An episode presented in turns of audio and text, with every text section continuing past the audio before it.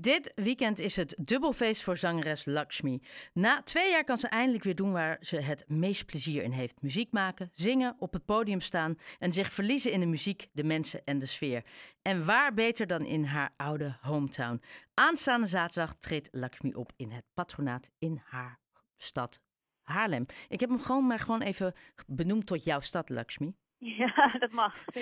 Volgens mij claimt iedereen, overal waar jij een paar jaar hebt gewoond, claimt iedereen dat jij hun inwoner bent. Ja. ja, dat vind ik heel gezellig. Daardoor lijkt heel Nederland een beetje mijn, uh, mijn, mijn huis. Iedereen heeft jou gewoon, gewoon geadopteerd, zo gezegd. Ja, dat, ik voel me vereerd. Um, maar jouw tournee is inmiddels weer in volle gang. Uh, na twee jaar ja, gewoon niet te kunnen hebben doen waar je het meest blij van wordt. Volgens mij kan jij niet heel veel gelukkiger zijn dan nu, op dit moment? Nee, ik ben echt uh, elke keer als er weer een show aankomt, dan uh, sta ik weer, en de band ook trouwens, die dan appen elkaar weer van, oh, zo fijn, zo zin in. En het is een hele, ja, het is gewoon heel fijn. Het lijkt een beetje alsof we weer in de weien mogen. Als je heel lang op stal hebt gestaan. Maar, maar hè, als je na twee jaar dan eindelijk weer voor een volle zaal optreedt, is dat dan ook het moment dat je, dat je realiseert dat zingen je roeping is? Optreden je roeping is?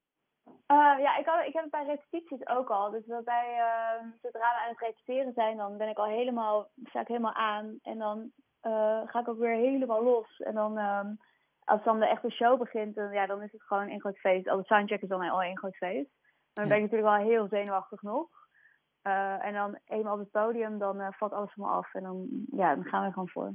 Want hoe, hoe is het voor een zangeres om twee jaar lang niet te kunnen doen waar je het meest gelukkig van wordt?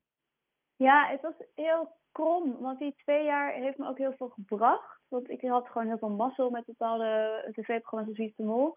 Um, en ook zie überhaupt best wel wat tv-dingen. Maar dan merk ik toch dat muziek is echt mijn allergrootste passie. Dus om daar weer helemaal terug te mogen gaan naar waar het eigenlijk, weet je, wat ik eigenlijk wil doen.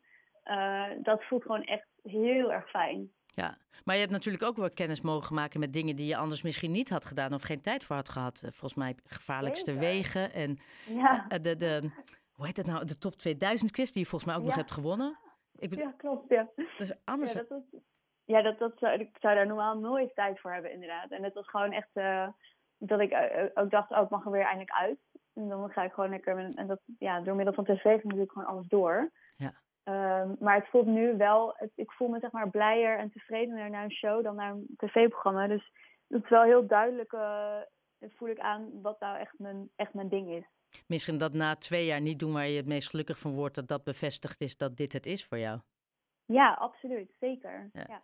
Uh, en, en dit is dan je voorjaarstour. Maart en april reis je met je band het hele land door. Um, wat, wat gebeurt er allemaal tijdens je tour en bovenal welke songs zing je? Uh, ik heb een aan, we hebben uh, oude songs hebben we in een soort van nieuwe afgestoft en een nieuw jasje gestopt. Uh, we spelen ook nieuwe liedjes die op het album staan die pas eind dit jaar uitkomt. Dus dat is allemaal voor ons ook hartstikke nieuw. Um, en voor de rest bestaat het heel erg uit het album afmaken. En um, ja, op een of andere manier, ik vind spelen terwijl je een album afmaakt ook altijd heel fijn. Omdat je toch op, op nieuwe ideeën komt. Uh, als je iets live speelt. En dat neem je dan weer mee de studio in. Dus eigenlijk is het een perfecte combinatie nu van dingen. Ja, want je, je zegt het al, je, uh, je, je bent nu bezig met je derde album. Uh, hoe ver ben je? Wanneer komt het ongeveer uit? Wat kunnen we verwachten? Zo, dat zijn drie vragen in één. ja, als het goed is, komt het rond september, oktober uit. Um, ik vind het toch altijd moeilijk om te zeggen, omdat altijd die deadlines, die zijn, die zijn er ongeverschoven te worden altijd. Maar ik ga in ieder geval mijn best doen om dat uh, in die maanden uit te brengen. En ik ben redelijk ver.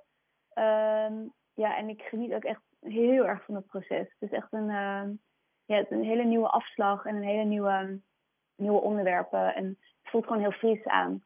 Heeft dan die twee jaar uh, impact gehad op, op wat je nu schrijft? En op welke muziek je nu extreem. maakt? Ja, heel erg. Want ik heb ook gewoon twee jaar intensieve therapie en alles gewoon echt heel erg aan mezelf gewerkt. Uh, of überhaupt eigenlijk de afgelopen zes jaar. Maar de afgelopen twee jaar was extra confronterend natuurlijk, omdat je niks kan. Um, en dat heeft me heel erg uh, ook veranderd als persoon. Dus dan merk ik echt dat dat, ja, dat wordt natuurlijk allemaal meegenomen in het schrijven. Ja, wat voor onderwerpen schrijf je dan nu die je misschien voor corona niet had uh, aangetikt? Nou, ik denk gewoon überhaupt het proces, het persoonlijke proces. Dus um, dat ik mezelf wat meer begrijp. Dat ik begrijp waar bepaalde gekke gewoontes vandaan komen of vuilkuilen zie ik nu eerder aankomen. En uh, veel meer een eigen verantwoordelijkheid nemen in plaats van een soort slachtoffer zijn de hele tijd van allemaal situaties. Dus daar ben ik heel erg mee.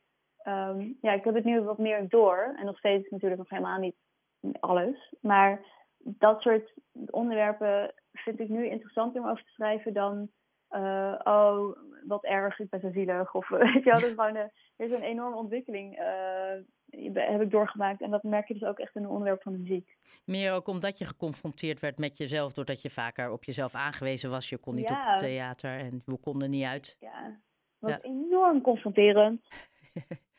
ja. nou ja, ik denk dat je daarin niet de enige bent. Ineens moet je leren om jezelf te vermaken en met jezelf.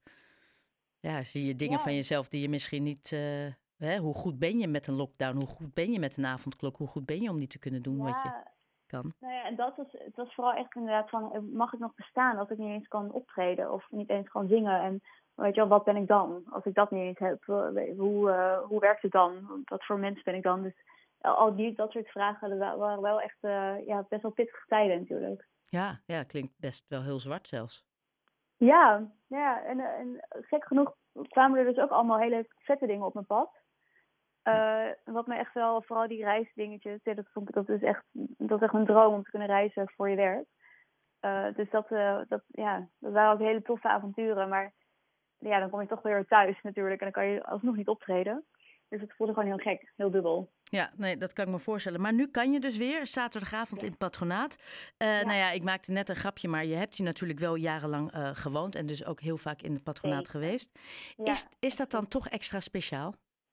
Ja, ik vind het heel, heel erg leuk. Want ik, toen ik er woonde, was ik eigenlijk alleen maar aan het werk. Dus het is niet alsof ik een hele grote sociale kring had daar. Maar ik voelde wel gewoon echt... Uh, ja, ik heb daar zes jaar gewoond volgens mij. Dus best wel een flinke tijd. Ja. En uh, ja, het patronaat, dat, dat, was dan wel de plek waar ik het meest kwam. En, en dus nu zaterdagavond weer. Ja. Uh, um, publiek is net als jij ook weer blij dat ze weer naar buiten kunnen en dat ze weer ja. naar optredens kunnen en niet meer met afstanden en maximaal aantal mensen. Alles ja, kan gewoon weer. Merk je dat ja. ook nu je tour oh, is begonnen? Extreem. Ja, ik zou altijd bijvoorbeeld ook um, tijdens de show merk ik het, maar ook uh, ik zou altijd naar de show bij de merchandise gelijk. En dan komen daar mensen die zeiden: Mag ik een knuffel? ja, natuurlijk, kom hier.